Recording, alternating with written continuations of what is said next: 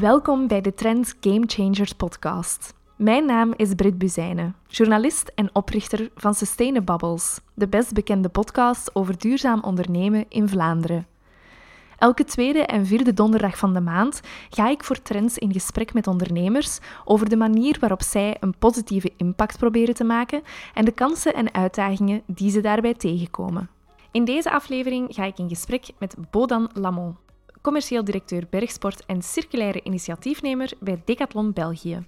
Midden in de coronapandemie lanceerde Bodan met enkele collega's een spin-off om het potentieel van circulaire businessmodellen voor Decathlon uit te testen. Ondertussen maakt WePlay Circular integraal deel uit van de werking en ontstonden er naast abonnementen op sportmateriaal ook heel wat andere circulaire initiatieven, zoals een hersteldienst en een terugkoopactie voor gebruikte sportartikelen. In deze aflevering zoomen Bodan en ik in op elk van deze initiatieven en bespreken we welke plaats ze innemen in de bredere werking van Decathlon. Deze aflevering kwam tot stand met de steun van Trends Magazine, copywriting collectief Good Copy Inc. en Lars Grote van Shift Video Productions, een filmmaker die waardegedreven NGO's en duurzame bedrijven helpt bij het creëren van authentieke verhalen.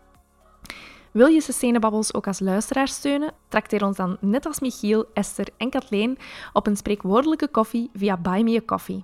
Daarnaast kan je je ook inschrijven voor onze nieuwsbrief en of deze aflevering gewoon lekker delen via social media of via mond-aan-mond reclame, zodat nog meer mensen de podcast ontdekken. In ieder geval veel luisterplezier.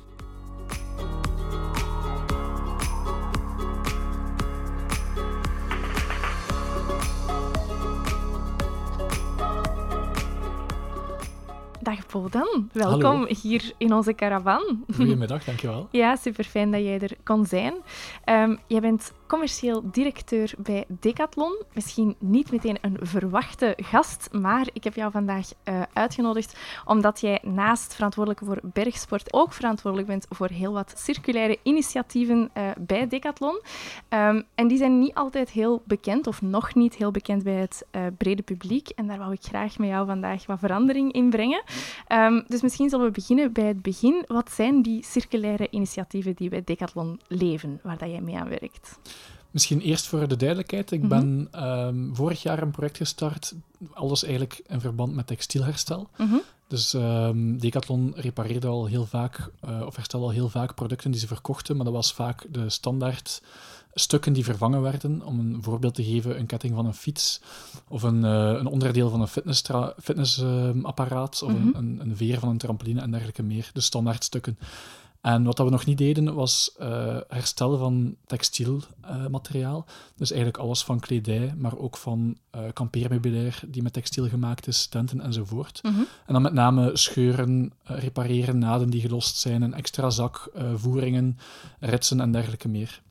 Maar daarnaast hebben we met Decathlon nog een heel aantal andere circulaire initiatieven. Oké. Ehm, iets dat we ook ondertussen twee jaar geleden gestart zijn, is het verhuren van materiaal. Mhm. En dat gaat dan eh, met name over verhuur op korte termijn. Eh, je gaat een weekje ski, je hebt skis nodig, of een, een tent voor een vakantie en dergelijke meer. Mhm. Daarnaast zijn we ook bezig met een project dat momenteel wel nog in de kinderschoenen staat en die nog getest wordt. Eh, verhuur op lange termijn, eigenlijk meer een soort ehm abonnementsmodel, Mhm. waarbij dat je een vast maandelijks bedrag per maand betaalt en dat je in eh, ruil daarvoor een bepaalde tegenwaarde aan materiaal kan bezitten. En die je dan ook eigenlijk, zoals bij een bibliotheek, kan inruilen op het moment dat je ander materiaal nodig hebt. Eh, daarnaast eh, zorgen we er ook voor dat we materiaal terugkopen van klanten. Uiteraard onder bepaalde voorwaarden, maar op die manier proberen we eigenlijk ook een tweedehands circuit op poten te zetten. Mhm. En dus ehm, op die manier ja, producten eigenlijk een tweede leven of een, een langer leven te geven. En we zijn ook bezig met eh, recycle- en eh, upcycling Eh, het terugnemen van eh, materiaal die, die eigenlijk einde levensduur is. En waarvan dat we de componenten dan eh, gaan gebruiken om nieuwe materialen van te maken. Bijvoorbeeld een, een, een, uit oude tent een nieuw tentzeil. Of uit laarzen granulaat voor andere producten en dergelijke meer. Oké, ja. Ja, zoals ik daarjuist al zei, dat is bij het brede publiek denk ik nog niet zo bekend, maar jullie zijn wel degelijk met heel veel zaken bezig. Ehm, wanneer zijn jullie daarmee begonnen? Want je verwijst nu zelf naar je eigen project vorig jaar, maar als ik me niet vergis, zijn die circulaire initiatieven al iets langer op til hè, bij jullie, bij Decathlon? Ja, het is, uh, het is een beetje afhankelijk van het, vers- uh, van het project. Is het een beetje afhankelijk wanneer het gestart is. Mhm. Maar laat ons zeggen dat de coronaperiode wel ehm, een beetje de trigger geweest is. En die bepaalde ideeën in een stroomversnelling eh, gebracht heeft. Of zelfs uit noodzaak op dat moment dat we bepaalde zaken gelanceerd hebben. Ja. Ik geef een voorbeeldje. Eh, door heel die eh, coronapandemie hadden we een heel groot logistiek probleem. Niet alleen op vlak van productie, maar ook op logistiek zelf. Om Mhm. producten in de winkels te krijgen. Ehm, en dan hebben wij beslist om eh, eigenlijk sportmateriaal te gaan terugkopen van mensen die op dat moment daar ja, geen, eh, geen gebruik meer van maakten, Mhm. om die te gaan doorverkopen eigenlijk aan klanten die er wel nood aan aan hadden.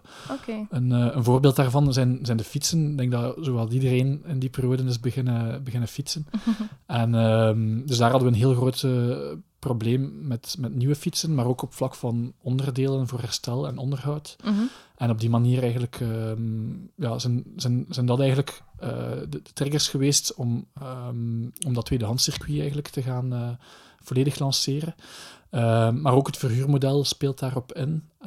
Een product verschillende keren laten gebruiken. in plaats van het te bezitten, maar te ergens te stockeren voor Mhm. het grootste deel van het jaar. En in dezelfde periode eigenlijk waren we ook bezig om, te gaan, gaan- om dan te gaan onderzoeken of dat er een markt was voor dat subscriptiemodel. Mhm. En daar hadden we uiteraard ook een, een onderhoudsdienst voor nodig en een hersteldienst. En op die manier eh, maar heb ik mij bezig gehouden eigenlijk met, met, die, eh, met dat onderdeel van het project. Mhm. En op een bepaald moment hebben we ons gewoon de vraag gesteld van oké, maar waarom dit beperken tot dit bepaald project? Ehm, en hebben we het gaan, eh, gaan openstellen eigenlijk voor eh, ook de B2C-markt. Mhm. En dan zijn we nog verder gegaan en eh, ja, het eigenlijk gaan opentrekken naar producten die ook van, ah, niet van bij Decathlon kopen, komen eigenlijk. Dus, eh, Oh, oké. Ja. Voordat we daar misschien verder op ingaan, laat ons eventjes een beetje teruggaan in de tijd, want je verwijst ehm, naar dat onderzoek rond dat subscriptiemodel. mhm, Eh, Als ik me niet vergis, gaat dat dan over WePlay Circular. dat klopt. Ja. Ehm, in 2020 was dat, is dat begonnen als inderdaad, zoals dat je zegt, een beetje een experiment om te gaan kijken wat dat de bereidheid was bij mensen ook om op die manier met sportmateriaal beter om te gaan, hè, om abonnementen te gaan nemen. Hoe is dat precies verlopen? Hoe hebben jullie dat opgezet? Wat waren de resultaten daaruit? Kan je daar wat meer over toelichten? Mhm. Dus eigenlijk heel start-up gewijs begonnen. Ehm, eh, zowel uit economisch standpunt als gewoon uit ja, persoonlijke drijfveer. Thuis zitten, eh, het klinkt leuk voor even, maar... Ehm, en dan zijn we met een aantal collega's eh, samengekomen. Zijn we daar een beetje over beginnen brainstormen. En zijn we eigenlijk zelf eh, een, een start-up, een spin-off gestart. Ah, oké. Ehm, zelfs met, met voor een deeltje persoonlijke financiering. Om gewoon een aantal zaken eigenlijk ja, te, gaan, te gaan uitzoeken. We hebben een marktstudie gedaan, we hebben klanten bevraagd.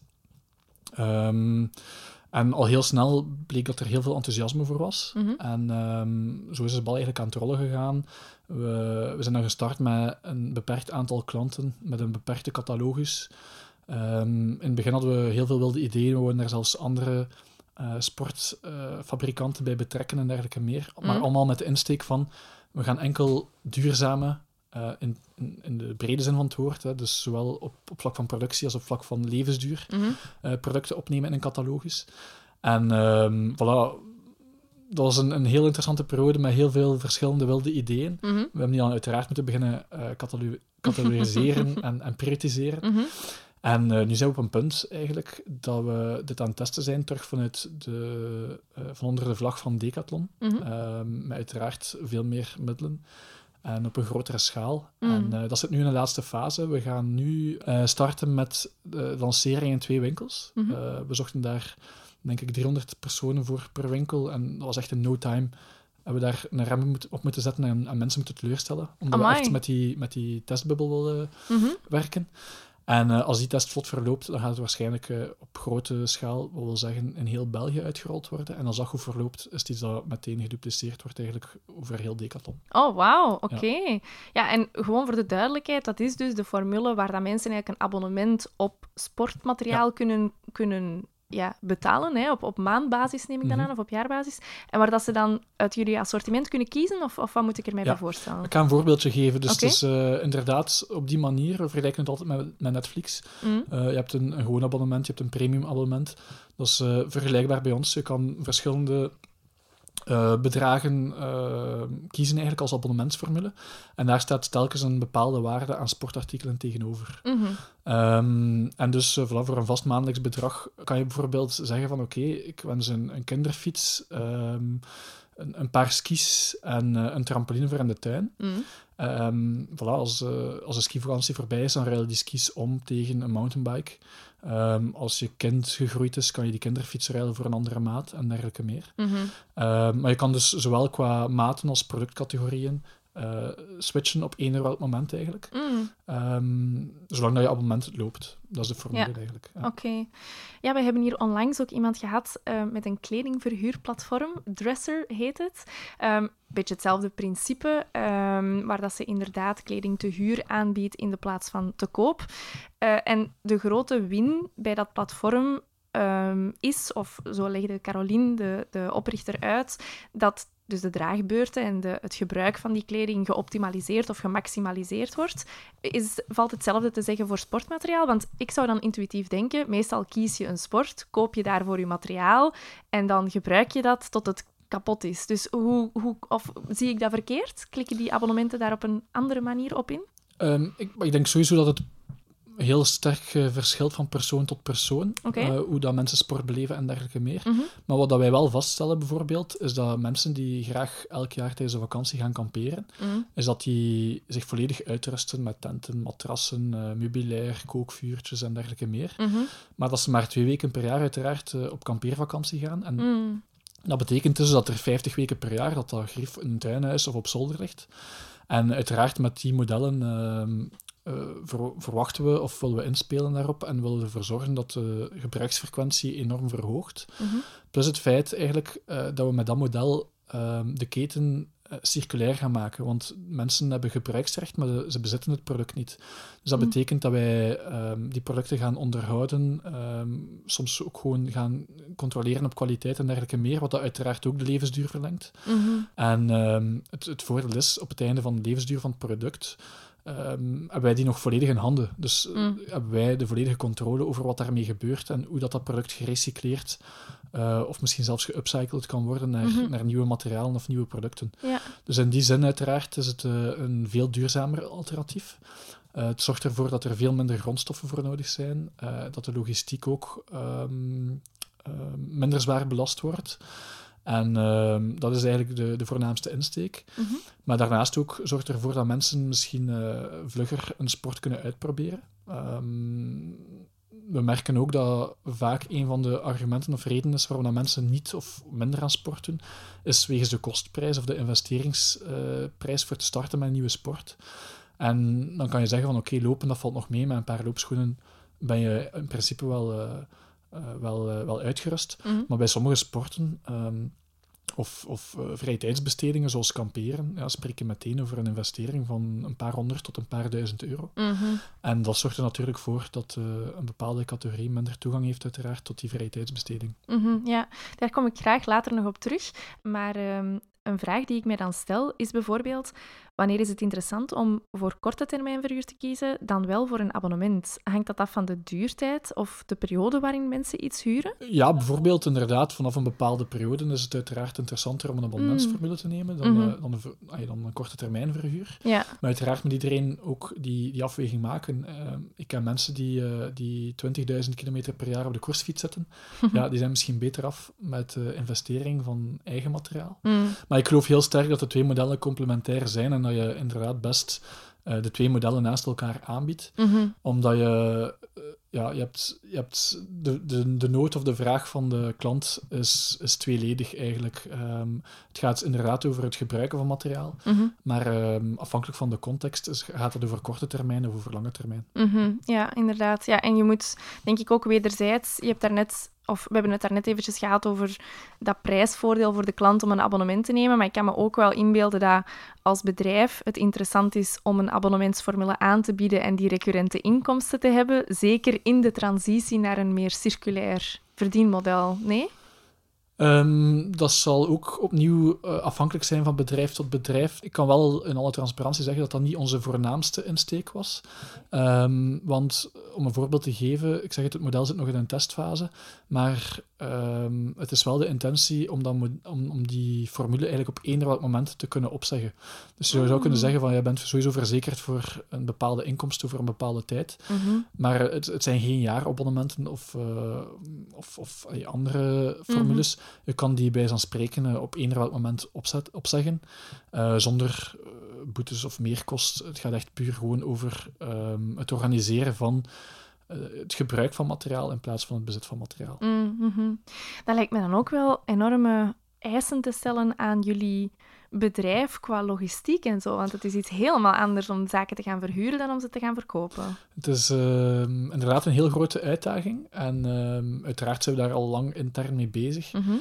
um, het voordeel is nu wel, we worden door de groep ook bekeken eigenlijk als een beetje de, uh, de trendsetter op dat vlak. Mhm. En, um, en we krijgen daar ook wel ruimte voor om een aantal zaken te ontwikkelen. Een van de pistes is om, dat we aan het nadenken zijn over eigenlijk een soort uh, creëren van circulaire hub in plaats van een logistiek centrum die producten verdeelt, Mhm. maar die meer inspeelt, uh, dat we daar uh, onze reparatiedienst volledig in, in organiseren en uitbreiden, dat we daar opslag organiseren van verhuurmateriaal en dergelijke meer. Mhm. Puur, meer dan, uh, dan pure logistieken eigenlijk. Ja. ja, dat zijn jullie ambities met het logistieke centrum in Willebroek, waar jullie momenteel de eerste textielhersteldiensten aanbieden in samenwerking met Sealab. Het zijn eigenlijk de mensen van Sealab die daar de expertise aanleveren rond textiel en herstel. Nu, ik ben heel benieuwd naar de motivatie om zo'n dienst te gaan oprichten uh, binnen Decathlon. Um, ja, is er een nood aan meer hersteldiensten? Is er een, een gebrek aan mensen die kleding kunnen herstellen vandaag? Is het daarom dat wij onze kleding uh, niet laten herstellen, maar er nieuwe kopen? Goh, ik ga ervan uit dat er nog steeds heel gepassioneerde vakmensen zijn. Maar Mm -hmm. wat dat wel aan bod kwam in, in, in ons uh, marktonderzoek, waar dat we eigenlijk, uh, ja, wat ons echt opviel, was dat het een heel fragmenteerde en verspreide sector is. Dat er niet echt een aanbieder bestaat die um, alle diensten rond textiel aanbiedt. Je hebt ofwel een schoenmaker, of misschien Mm. een, een naaister, of misschien iemand die retouches doet, of, Mm -hmm. uh, en dergelijke meer. En dan ook vaak op heel kleine schaal, um, ik zal maar zeggen, op een zolderkamertje, um, een eenmansbedrijfje, of, of misschien zelfs een, uh, iets dat, dat na de uren of parttime gebeurt. Mm. En um, voilà, onze ambitie is uiteraard om het, om het uh, meer zichtbaar te maken, om het meer toegankelijk te maken. Um, zowel qua geografische spreiding als qua, als qua prijszetting, uiteraard. Mm -hmm. En um, wat dat we ook merken is dat, dat gelukkig dat, dat de mentaliteit of de nostalgie misschien dat die terugkomt en dat mensen meer en meer ingesteld zijn um, en, en, aandacht hebben voor herstelling eerder dan het weggooien en iets nieuws kopen. -hmm. Ja, je zegt daar iets heel belangrijks. We willen wel op de zichtbaarheid en op de toegankelijkheid spelen. Als er één um, uitdaging is uh, rond het aanbieden van herstel, dan is het heel vaak de prijs. Hè, dat mensen, um, dat het eigenlijk economisch interessanter is om iets nieuws te kopen dan om iets bestaand te laten herstellen. Hoe slagen jullie daar dan in om die uitdaging te overbruggen? Sowieso zijn wij ook uh, ge geconfronteerd, eigenlijk, zal ik maar zeggen, met, uh, met de standaard kosten die daarmee gepaard gaan. Hè. Je, hebt, Mhm. mm -hmm. je hebt werkuren, je hebt materiaal en dergelijke meer. Mm -hmm. Dus um, dat is geen geheim. Ik denk dat schaalgrootte op dat vlak en, en het industrialiseren van het proces, het, het efficiënter maken van het proces, dat dat belangrijk is en Mm. dat dat de prijs kan drukken. Dat is één ding. Ten tweede denk ik dat de overheid op dat vlak een heel grote verantwoordelijkheid draagt en dat zij moeten faciliteren dat zo'n zaken eigenlijk uh, toegankelijker worden. Mm -hmm. Dat er nu met een fiscaal voordeel is of op een andere manier uh, gestructureerd wordt. Ik denk dat dat de, de, verantwoordelijkheid van de politiek is om daarover na te denken. Mm -hmm. En um, wat ik hoop en wat ik ook wel zie, ook al is dat misschien nog een, een, uh, een trage tendens, is dat mensen wel steeds meer bewust worden van het feit dat de planeet uh, zijn limieten kent. Mm -hmm. Zowel op vlak van grondstoffen als op vlak van, van uitstoot en vervuiling en dergelijke meer. Mm -hmm. En dat mensen daar gelukkig ook wel uh, heel bewust en verantwoordelijk mee omgaan. Dus uh, op dat vlak zijn we wel heel hoopvol dat, dat, uh, dat die dienst succesvol zal worden Mhm. en, eh, en kan blijven. Mhm. Ja, want voor alle duidelijkheid, bij jullie hersteldienst kunnen mensen terecht met stuks die ze hebben aangekocht bij Decathlon, maar ook met stuks van andere merken. Ja, dat klopt. Dus even Oké. reclame maken, maar op de website eh, kan, je, kan je eigenlijk alle prestaties die we op dit moment eh, aanbieden, kan je die terugvinden. En Mhm. de bedoeling is om die nog te gaan uitbreiden. Ehm, maar sowieso zijn klanten welkom om eh, met eender welk product om dat aan te bieden en te kijken op welke manier dat we het kunnen herstellen. Ehm, zowel producten die bij ons gekocht zijn, als die niet bij ons gekocht zijn, en dus Mm. van eender welk merk. Mhm. We willen mensen aanmoedigen om hun product te laten herstellen. En door het te limiteren tot onze eigen producten, dat zou enkel maar jammer zijn ehm, om voilà, de filosofie van het project eh, te gaan uitvoeren. Dus Mhm. eh, alles eh, is, of iedereen is welkom met elk product. En dan Mhm. bekijken we samen hoe en op welke manier dat we die oplossing kunnen aanbieden. Ja, wat dat ook een mooi element is in het ehm, verhaal van de hersteldienst en de hopelijk toekomstige circulaire hub, is die samenwerking met een zeer lokaal initiatief, met SILAB. Want ik denk, eh, allee, of een bedenking die ik mij ook maak, is dat je zegt van we willen het toegankelijker maken en doordat wij op schaal werken, kunnen we dat ook doen.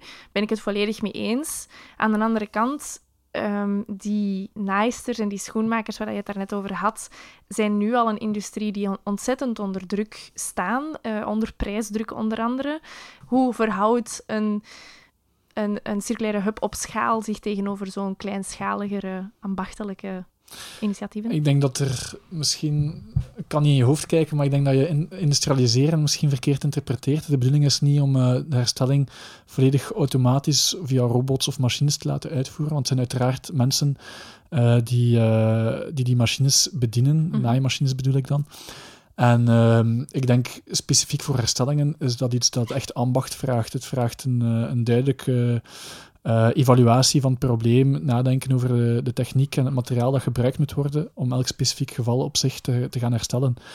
En ehm, ik ben ervan overtuigd dat het oprichten van onze dienst meer mogelijkheden gaat geven aan mensen die zich daar willen eh, mee bezighouden, die zich daar willen voor scholen en die eh, een zinvolle en, en maatschappelijk belangrijke ehm, job willen uitvoeren. Mm, ik vind dat een super mooie manier om daar naar te kijken en ik hoop dat ook. Ehm, en ik denk trouwens ook dat, die, dat dat inderdaad opportuniteit kan creëren. Ehm, mits dat je natuurlijk autonomie ook nog ehm, vrijwaart voor die mensen. Hè. Dan, dan moet het eerder de vorm van een partnership aannemen, denk ik, dan van een tewerkstelling. Plannen jullie bijvoorbeeld in de toekomst, of misschien is het te vroeg om dat nu al te zeggen, maar naast een samenwerking met SeaLab bijvoorbeeld ook samenwerkingen met zo'n lokale ambachtslieden? Ik denk dat we voor alles moeten openstaan. En Mm. dat we echt moeten kijken van oké, wat is het meest relevante voor de klant Mhm. En voor de planeet. En dat we daar die oplossing moeten, eh, moeten zoeken. En Mhm. eh, al de rest is leuk in theorie, maar dat gaat weinig opbrengen in de praktijk. Mhm. Dus eh, dat zijn zeker zaken die we in de toekomst overwegen. Want ik zeg het, we zijn nu bezig met de schaal te vergroten. En we denken op verschillende, of aan verschillende pistes. de uitbreiding van de diensten van C-Lab, maar Mhm. ook opleiden van medewerkers intern. Maar partners met, eh, met derden kunnen zeker ook. Ja. Eh, zolang dat ze eh, onze, onze missie maar dienen. En dat is nuttig zijn voor de planeet en eh, zoveel mogelijk mensen laten sporten. Mhm. Ja, oké, heel duidelijk. We hebben het nu gehad over jullie abonnementen, over jullie verhuur en over jullie herstel. Waar we het nog niet hebben over gehad, is de actie die jullie eh, vorig jaar hebben eh, ondernomen, zeg maar, eh, onder de creatieve naam Noltaket. Jullie, jullie naam veranderde toen ehm, iets meer dan een week, denk ik, of twee weken, in de omgekeerde versie van Decathlon, omdat jullie dan eigenlijk ook jullie ja, eh, toeleveringsketen hebben omgedraaid. Jullie hebben eigenlijk jullie klanten laten eh, spullen terugbrengen naar Decathlon om daar nieuwe spullen van te maken, of om die te gaan refurbishen. Ja, klopt. Dat was eigenlijk een, eh, een actie opgezet door onze communicatiedienst die heel veel impact gecreëerd heeft. Mhm. Want zoals dat we zeiden, ehm, de dienst op zich was al beschikbaar, al een geruime tijd beschikbaar. Mhm. En klanten konden producten terugbrengen. Maar om ehm, eigenlijk de, het project en de boodschap aan, aan het grote publiek kenbaar te maken, hebben wij onze naam omgedraaid. Mhm. En letterlijk hebben wij eigenlijk eh, op elke winkel ons eh, merk eh, laten ja, rebranden. En stond er op elke winkelmuur Nolcassette in plaats van Decathlon. Mhm. Ook op onze website bijvoorbeeld kon je dat logo omgekeerd terugvinden. En dat heeft heel goed gewerkt. Ik kan me herinneren dat er op zondag werd er in Gent werd het nieuwe logo opgehangen. En eh, zondagmiddag kregen wij op Facebook al ongeruste berichten van klanten die, die dat opgemerkt hadden en die vroegen wat er aan de hand was. En we hebben daar ook heel veel uh, persbelangstelling voor gekregen, Mhm. wat dat uiteraard de bedoeling was, omdat we op die manier heel veel mensen over de actie gehoord hebben. Mhm. En dat heeft uiteraard eh, gezorgd voor een heel grote instroom van, van producten en dus ja, een, een soort versnelling van het project. Mhm, ja, voor alle duidelijkheid, het was een, een kortdurende campagne, maar dat is eigenlijk een dienst die jullie wel permanent aanbieden. Hè? Mensen Ja. mogen hun, hun oude sportkledij of materiaal naar jullie terugbrengen. Enkel jullie eigen merken of ook van andere aanbieders? Ook van andere merken. Oké. Eh, de voorwaarden staan ook opnieuw op de website. Eh, uiteraard nemen we enkel producten terug die nog bruikbaar zijn, die een tweede leven kunnen krijgen. Ehm, en afhankelijk van de staat en de leeftijd van het product eh, hangt daar eigenlijk een, een, eh, staat daar een prijs tegenover die we bieden aan de, aan de persoon die zijn grief komt aanbieden. Mhm. Maar we bieden ook de mogelijkheid aan om het product bij ons te recycleren. Dus we hebben verschillende end-of-life eh, procedures Oké. waarin dat we moeilijk te recycleren materiaal, maar ook eenvoudige materiaal gaan recycleren. Ik heb het voorbeeld al aangehaald, maar van oude tenten maken we eigenlijk nieuwe stoffen die gebruikt worden voor het creëren van nieuwe tenten. Mhm. Rubber eh, van, van rubberlaarzen eh, kunnen we ook hergebruiken om, om nieuwe schoeisel van te maken. Mhm. En de bedoeling is om op lange termijn eh eender welk artikel te kunnen terugnemen. Mm. En uiteraard ook het te kunnen eh, demonteren in componenten om het nog eh, eenvoudiger te recycleren of zelfs te gaan upcyclen en het Ja. volledig circulair te maken. Oké, heel duidelijk. Nu, ehm, hoewel ik super enthousiast ben over de circulaire initiatieven eh, van Decathlon, eh, moeten we daar niet onnozel over doen, denk ik. Decathlon heeft ook wel af te rekenen met een niet zo duurzaam imago in het publieke debat. Mhm. Zelfs een beetje het imago van een fast fashion sportmerk, zou ik durven zeggen. Eh, heel toegankelijk in prijs, maar niet noodzakelijk altijd in de perceptie het meest duurzame of het meest kwalitatieve. Ja, hoe, hoe kijk jij daar tegenaan, tegen dat spanningsveld? Ja, ik denk dat je het juist verwoordt. Ik denk dat het inderdaad een spanningsveld is. En ik ben het niet volledig eens eh, met, eh, met die kijk uiteraard naar Decathlon. Eh, uiteraard bieden wij sportartikelen aan in verschillende prijssegmenten, met de insteek om zoveel mogelijk mensen aan het sporten te krijgen. Mhm. En dan moet je even kijken nu naar gewoon de sportbeleving wereldwijd en niet enkel in België. Mhm. Ehm, maar ja, uiteraard zijn er bepaalde regio's eh, waar, waar mensen eh, een beperkt budget hebben of waar mensen zelfs totaal geen toegang hebben tot sportartikelen. En dan eh, zijn we wel enorm trots uiteraard dat wij kunnen bijdragen om daar die opening te creëren. Mhm. En een tweede insteek is denk ik dat iedereen een, een vrije, maar een bewuste keuze kan maken over welk artikel dat hij neemt. En ehm, als we het hebben over kwaliteit, hebben we het over de techniciteit van het product, maar ook over de mate waarin dat innovaties zijn verwerkt in het product. Mhm. Ehm, maar je kan ook bekijken op vlak van levensduur en dergelijke meer. En ehm, uiteraard is een loopschoen van 20 euro niet dezelfde als die van 100 euro. Mhm. Ehm, maar voor sommige mensen eh, voldoet die perfect aan de noden. En de vraag doet mij denken aan een, eh, een, een journalist die mij een bepaalde tijd geleden gecontacteerd heeft en die mij wou spreken over onze wegwerptenten. Mhm. En toen viel ik letterlijk van mijn stoel en ik vroeg van, ben je zeker, heb je het over onze opwerptenten, onze two-seconds tenten? Nee, nee, jullie wegwerptenten. En eh, ja, die heeft mij dan moeten verduidelijken eh, dat ze een artikel schreef over eh, de periode na de festivals Mhm. en ehm, wanneer dat de festivalweide eigenlijk achtergelaten wordt door de bezoekers. Mhm. En dat daar eh, dus inderdaad veel, veel materiaal achterblijft. Het, vaak omdat het stuk gegaan is eh, omwille van niet zo zorgvuldig gebruik. Mhm. Maar soms ook omdat mensen eh, het de moeite niet vinden of misschien niet in de juiste conditie verkeren om, om de tent terug, terug mee te nemen. Mhm. En ehm, dat vind ik een, een heel groot probleem. En ehm, voilà, ik wil daar de mensen voor oproepen om, om daar op de juiste manier mee om te gaan. Het toont eh, dat dat voor een groot deel bepaalt wat als fast fashion of wat als wegwerpproduct wordt aanzien. En om eh, daarop in te spelen zijn we nu aan het kijken om een programma op te starten om festivals te ondersteunen na afloop van een, eh, van een festival. Om die tentenweiden op, de, ehm, op een duurzame manier eigenlijk te gaan, te gaan leegkrijgen. Waarbij dat we willen aanbieden om defecte tenten en, en materiaal dat stuk gegaan is eh, mee te nemen om ons recyclingprogramma eh, op te nemen.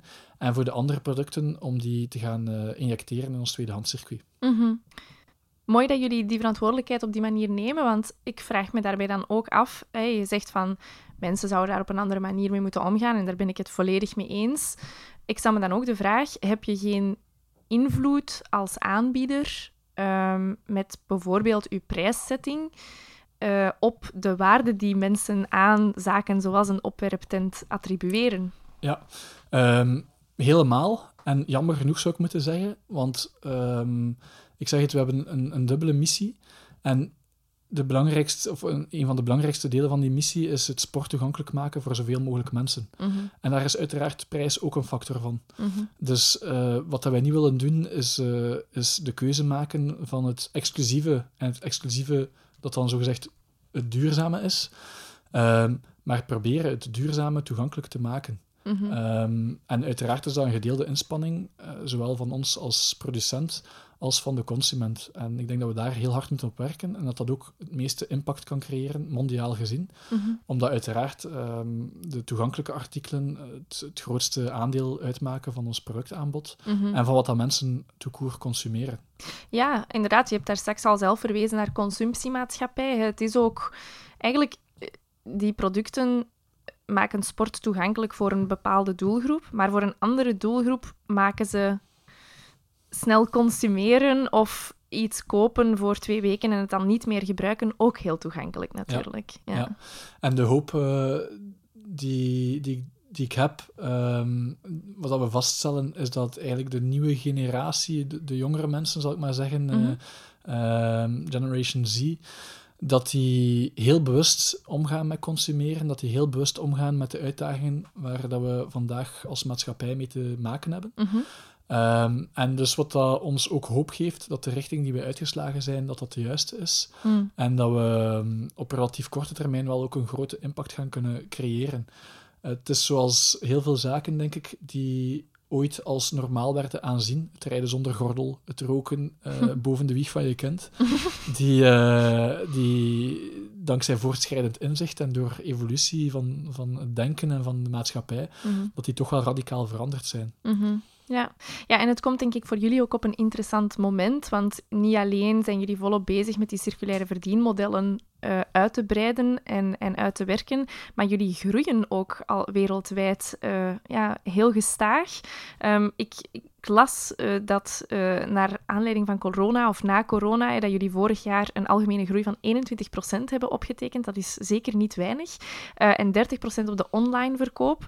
Dus ja, hoe mogen we die die twee, enerzijds jullie algemene groei en anderzijds het uitwerken van die circulaire verdienmodellen, hoe mogen we die twee met elkaar rijmen of wat mogen we daarvan verwachten? Um, heel veel, denken we en hopen we. Het is uh, uiteraard zo dat het voornaamste deel van die groei voorlopig niet uit de circulaire modellen komt. Mhm. Mm -hmm. die, die schaal is nog te klein en de markt is nog te klein, het model is nog te onbekend. Mm -hmm. uh, maar de bedoeling is wel dat dat uh, heel snel exponentieel zal stijgen. Okay. In België uh, maakte het vorig jaar nog geen 2% uit van onze omzet. Mm -hmm. Maar um, de bedoeling is om dat dit jaar te laten stijgen naar, uh, naar 7%. Okay. Dus dat is wel een, een heel sterke groei op één jaar tijd. En dan als je het over vijf jaar als businessmodel gaat bekijken, uh, is dat echt een exponentiële curve. Mm -hmm. En uh, de bedoeling moet zijn dat dat uh, wel uh, de belangrijkste, het belangrijkste businessmodel wordt voor ons. Um, ik denk dat we ook niet anders gaan kunnen. Zoals ik verteld heb, de wereld heeft een, een eindig uh, aantal grondstoffen. Mm. Um, het is niet om, om, dat betekent natuurlijk niet om, omdat er een eindig aantal grondstoffen zijn dat we geen nieuwe producten meer kunnen creëren. Ik zeg het, er komen heel veel producten die we kunnen maken van, van het upcyclen van materiaal of het, uh, het recycleren van materiaal om daar nieuwe componenten van te maken. Mm -hmm. uh, dus dat is sowieso ook een, een heel belangrijke factor. Maar globaal gezien voor Decathlon is het de ambitie onze CO2-uitstoot te laten dalen, ondanks het feit dat we groeien. Mm -hmm. En we hopen uiteraard dat we in de toekomst blijven groeien, maar zonder een groeiende CO2-uitstoot. En dan bedoel ik echt netto, dus niet Um, procentueel in functie van de, van de economische groei, -hmm. maar effectief netto uitstoot in, in, kilogram CO2, als je het zo wil uitdrukken. -hmm. En wat we wel heel trots kunnen zeggen, is dat we daar wel al in geslaagd zijn voor Decathlon België het afgelopen jaar. Dus okay. daar hebben we netto een, een daling gehad in de CO2-uitstoot. Uiteraard is dat voor ons nog niet voldoende. We willen daar heel hard op blijven werken. Mhm. En dat zal via verschillende uh, strategieën gebeuren. Dus niet enkel op vlak van producten, maar ook logistiek, um, energiezuinigheid en management van onze gebouwen en dergelijke meer. Mhm. Um, en dat zal ook de enige oplossing zijn als we het meer globale probleem willen bekijken van uh, de verandering van klimaat. Mhm. Ja. ja, en die circulaire verdienmodellen die spelen daar een rol in, in CO2 van die som afnemen, neem ik aan. Dan. Uiteraard, om, om een voorbeeld te geven, een nieuwe tent, een, een kleine nieuwe tent uh, voor vier personen, heeft een uh, CO2-uitstoot van minstens 350 kilogram. Dus als je die uh, in de verhuur kan steken, als je die via een gebruikersformule kan aanbieden, of als je die kan terugkopen van klanten om die opnieuw aan te bieden, elke nieuwe tent die je, of elke tent die je niet opnieuw moet produceren, wel, uh, als je dat op onze schaal gaat bekijken, uiteraard, heeft dat een Mm. gigantische impact. Mhm. En dus uiteraard uh, uh, ja, onze drijfveer. Mhm. Oké. Dankjewel om dat allemaal zo uh, duidelijk toe te lichten. Nu, als ik het zo hoor, en misschien de luisteraar maakt zichzelf dezelfde bedenking, dan, heb ik zo, dan voel ik de vraag opborrelen, wordt Decathlon dan de Belgische Patagonia? En gaat jullie CEO straks ook uh, de winst van Decathlon enkel naar um, milieu- en klimaatprojecten ondersteunen? Ja, moeten we het zo begrijpen of, of hoe, hoe moet ik het zien? Ik denk dat Decathlon Decathlon is en, en Decathlon is goed zoals het is. Ik denk dat het geen enkele zin heeft voor geen enkel bedrijf om andere bedrijven te gaan kopiëren. En um, het enige, denk ik, dat belangrijk is, is dat de insteek en de filosofie van het bedrijf juist zit. Uh, bedrijven zijn er uiteraard om winst te maken, maar bedrijven moeten ook hun maatschappelijke verantwoordelijkheid nemen. En op welke manier als ze die nemen, denk ik dat elk bedrijf voor zichzelf moet uitmaken. En um, ik denk dat het ook belangrijk is in een, in een heel uh, krappe arbeidsmarkt om uh, met, het, met die juiste insteek de juiste mensen aan te trekken. Mm. En um, zoals ik het gezegd heb, elk bedrijf doet dat op zijn manier en wat als zij het, het beste achten. En um, op dit moment geloven wij erin dat we het meeste impact kunnen creëren zolang dat wij onze business succesvol houden. Mm -hmm. En uh, dus daar zitten wij volop voor in. Mm -hmm. Ja, en wie weet binnen tien jaar is het dan het vervolgverhaal. Dan zullen we nog eens babbelen. dan mag je mij zeker uitnodigen. Oké, okay, kijk goed. Is er iets waar ik niks over gevraagd heb, waar je graag nog iets over zou vertellen?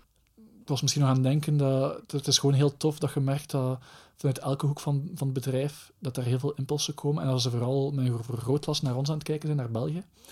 En dat de merken, bijvoorbeeld uh, onze Bergsportmerk is al bij ons op bezoek geweest. Onze hersteldienst, wat op zich ook een merk is, is al bij ons op de vloer geweest om te gaan kijken. Mm. En nu hebben wij ook als uh, land, dus, uh, zo werken wij wel bij Decathlon, nu zijn wij als land benoemd als zijnde testlab voor alles wat dat met duurzame ontwikkeling te maken heeft. Mm. En dus krijgen wij ook heel veel projecten toegewezen. We zijn nu bezig met een project rond productsmixverandering, Mm. waarin dat, ik zeg het, hè, concept, bergsportartikelen, uh, een kleine winkel heeft zeven producten. En waar we nu aan het kijken zijn, maar als we die meest vervuilende producten vervangen door een ander product, welke invloed heeft dat op de verkoop, welke invloed heeft dat op, -hmm. enzovoort, enzovoort. Ja. Dus daar zijn wij nu uh, testland voor. Dus krijgen wij om de haverklap, ik zeg het, uh, ons bergsportmerk komt langs om, om zaken te kijken, om, om te testen Zalig. enzovoort. Dus dat is, dat is ja, lijkt me heel voldoeninggevend. Ja. Ja. Dankjewel dat jij dan tijd hebt gevonden in je drukke agenda om hier vandaag te zitten. Veel plezier. Ja, denk, hoe meer dat we daarover spreken, hoe beter. Dus uh, Absoluut. daar maken we tijd voor. Ik hoop zeker en vast dat er mensen de weg naar jullie initiatieven vinden. Dankjewel. Heel veel succes nog. Zoals gewoonlijk ook bedankt aan de luisteraar voor het luisteren. Vergeet zeker niet om je op de podcast te abonneren en of om je in te schrijven op de Sustainables nieuwsbrief, want daarmee krijg je de belangrijkste takeaways van elke nieuwe aflevering rechtstreeks in je mailbox. Heb je vragen, suggesties of opmerkingen bij deze of een andere aflevering, dan kan je mij altijd bereiken via mail of via social media.